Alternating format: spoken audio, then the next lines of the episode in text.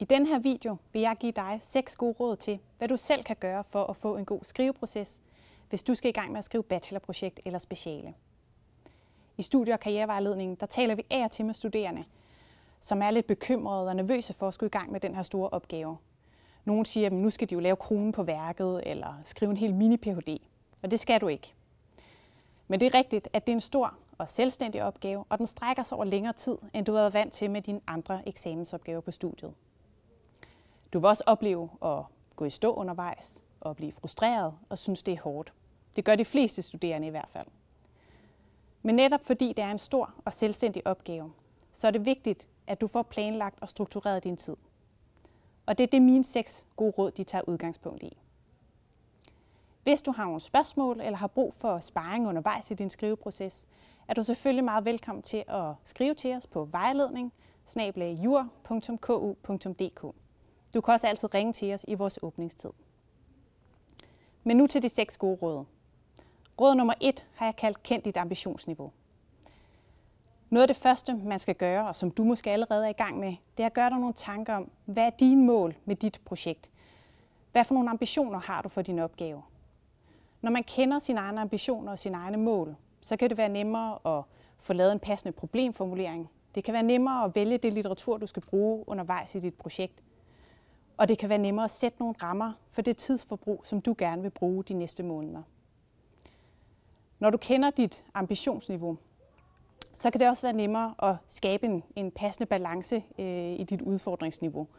Hvis du har alt for høje ambitioner i forhold til den tid, du egentlig har til rådighed, og de ressourcer, du måske har, jamen så vil du opleve at blive mere bekymret og frustreret, og vil måske endda gå i stå med din opgave. Hvis du har sat alt for lave ambitioner i forhold til det, du egentlig kan, så vil du opleve at kede dig, og det er jo heller ikke meningen. Så gør der nogle tanker omkring, hvad er dine ambitioner, og hvad er dine mål med din opgave. Råd nummer to har jeg kaldt lav et overblik med en kalender. Og her der kommer projektstyring ind i billedet. Mange studerende oplever, at det kan være lidt svært at styre tiden øh, i, det her, i de her mange måneder, hvor man skriver på sin opgave. Og det her med projektstyring, det er jo faktisk en rigtig vigtig kompetence, når du en dag skal ud på arbejdsmarkedet som færdiguddannet jurist og styre store projekter eller større opgaver på en arbejdsplads. Så husk at se det som en læring i sig selv i løbet af de næste måneder. Hvis man vil have sådan lidt en nem og hurtig tilgang til det her med at få lavet et overblik og projektstyre tiden, øhm, så kan man gå ind på den side, der hedder kalendersiden.dk, og så kan man downloade en kalender med de relevante måneder, øh, hvor du skal skrive din opgave. Så kan du gå ind og starte med at plotte ind, hvornår skal du aflevere din opgave, og når, så går du ind og trækker to uger fra, for dem skal du bruge på kulturlæsning, eller hvis der er andre uforudsete begivenheder. Så det kan være godt at have en lille buffer de sidste uger øh, af projektet. Så skal du øh, blokere alle de dage, hvor du allerede nu ved, at du ikke kan arbejde med din opgave. Det kan være, fordi du skal deltage i nogle fødselsdage eller holde ferie, eller du har et studiejob, som du også skal passe samtidig med. Når du ved, hvornår du har møder med dine vejledere, eller du skal til klyngevejledning, så sørg for at få det plottet ind i kalenderen også. Og så kan du gå ind og markere øh, alle de deadlines for de enkelte delelementer af din opgave. Så for eksempel, hvornår skal du øh, skrive din konklusion? Hvornår skal du afsætte tid til at indsamle empiri eller data, hvis du for eksempel laver øh, en empirisk opgave? Det her, du ser på skærmen, det er sådan et lidt simpelt øh, overblik over, hvordan man kan sætte det op. Det kan være en god idé at have så mange øh, deadlines på som muligt, øh, fordi når du har et kalenderoverblik, jamen, så bliver det nemmere at fordele arbejdsopgaverne, og også sørge for, at dine arbejdsdage ikke bliver alt for lange. Det er hverken godt for, for dit mentale overskud eller for produktet, hvis du arbejder 14-16 timer i døgnet. Råd nummer 3 hedder lav en tentativ disposition. Hvis du skal ind og markere deadlines på de enkelte delelementer i din opgave i dit kalenderoverblik, så bliver du også nødt til at kende strukturen for din opgave og kende til de forskellige delafsnit og delelementer. Og derfor kan det være en rigtig god idé at lave sådan en tentativ disposition. Det er ankret i din opgave. Det du ser her, det er sådan en standardstruktur for akademiske opgaver. Og den kan du godt tage udgangspunkt i. Men det er vigtigt, at du altid taler din øh, struktur igennem med din vejleder. Råd nummer 4 hedder skriv, skriv, skriv. Og det gør det, fordi at skrivning faktisk er den eneste arbejdsopgave, som er relevant undervejs i hele øh, dit projekt. Man starter med at skrive allerede, når man overvejer sine problemformuleringer og skal vælge emne, når man tager noter undervejs, og selvfølgelig når man skal skrive selve opgaven. Så skrivning er rigtig vigtigt. De fleste gode opgaver, de bliver til ved det, man kalder cirkulær skrivestrategi, og altså ikke en linje, hvor man starter fra starten ved begyndelsen, og så skriver sig slavisk og lineært igennem hele vejen til konklusionen. Med en cirkulær øh, skrivestrategi, der kan man faktisk gå i gang med alle opgavens dele som det første. Så det kan være en god idé at have sin tentative disposition klar i et Word-dokument, og så kan man ellers hoppe frem og tilbage mellem de forskellige dele øh, og skrive på det, der giver mest mening, og det, man brænder mest for. Og når man skriver ud fra en cirkulær skrivestrategi, så kan man jo netop starte med det afsnit, som man synes er nemmest og mest spændende.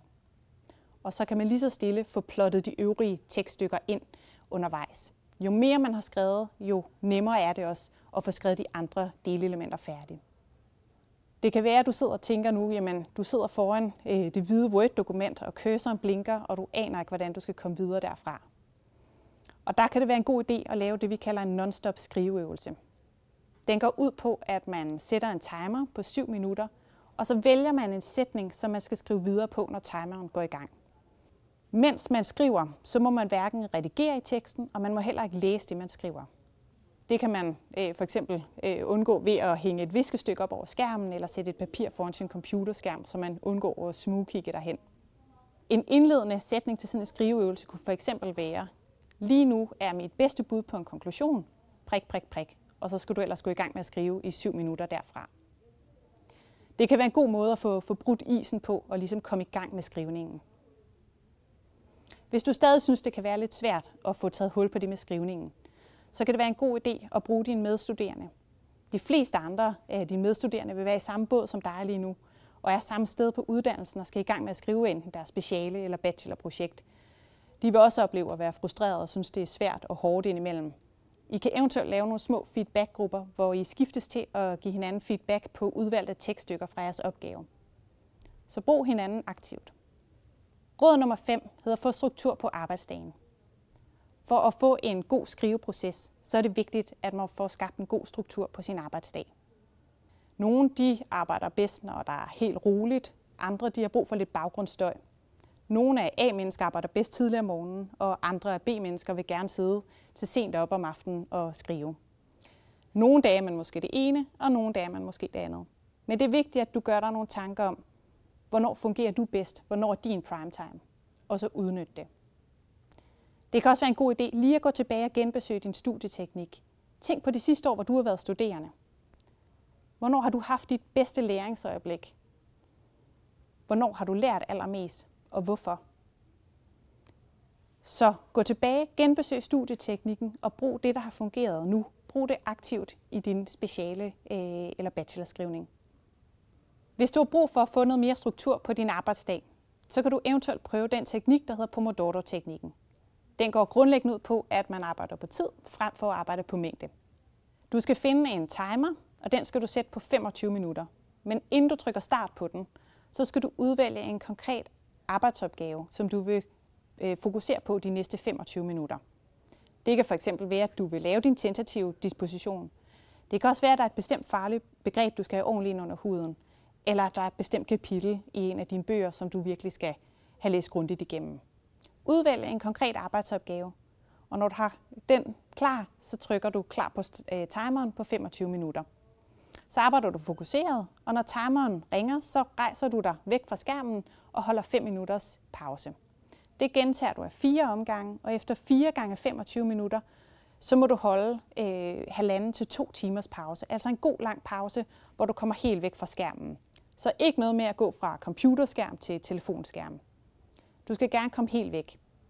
Nogle de vil gerne lave noget lavpraktisk og for eksempel begynde at gøre rent, eller bage en kage, eller lægge tøj sammen. Andre har brug for at være sociale og vil gerne mødes med en ven og drikke en kop kaffe, og nogen har brug for at dyrke noget motion og løbe en tur eller gå en tur i naturen. Find ud af, hvor du får god energi, og så brug tiden øh, på det i din pause. Pointen med denne her teknik, det er, at man aldrig må springe pauserne over.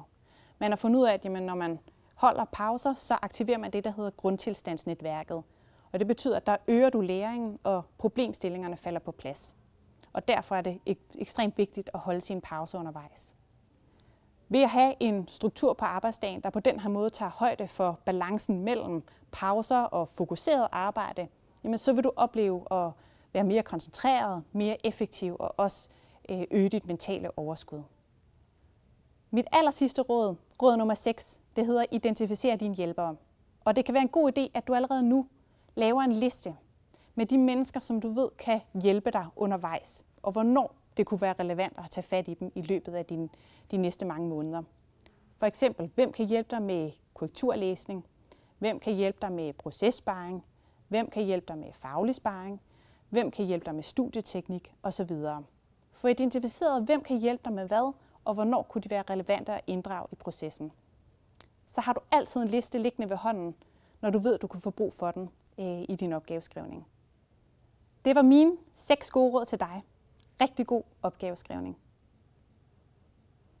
Her er et par forslag til, hvor du kan læse mere om den gode opgaveskrivning.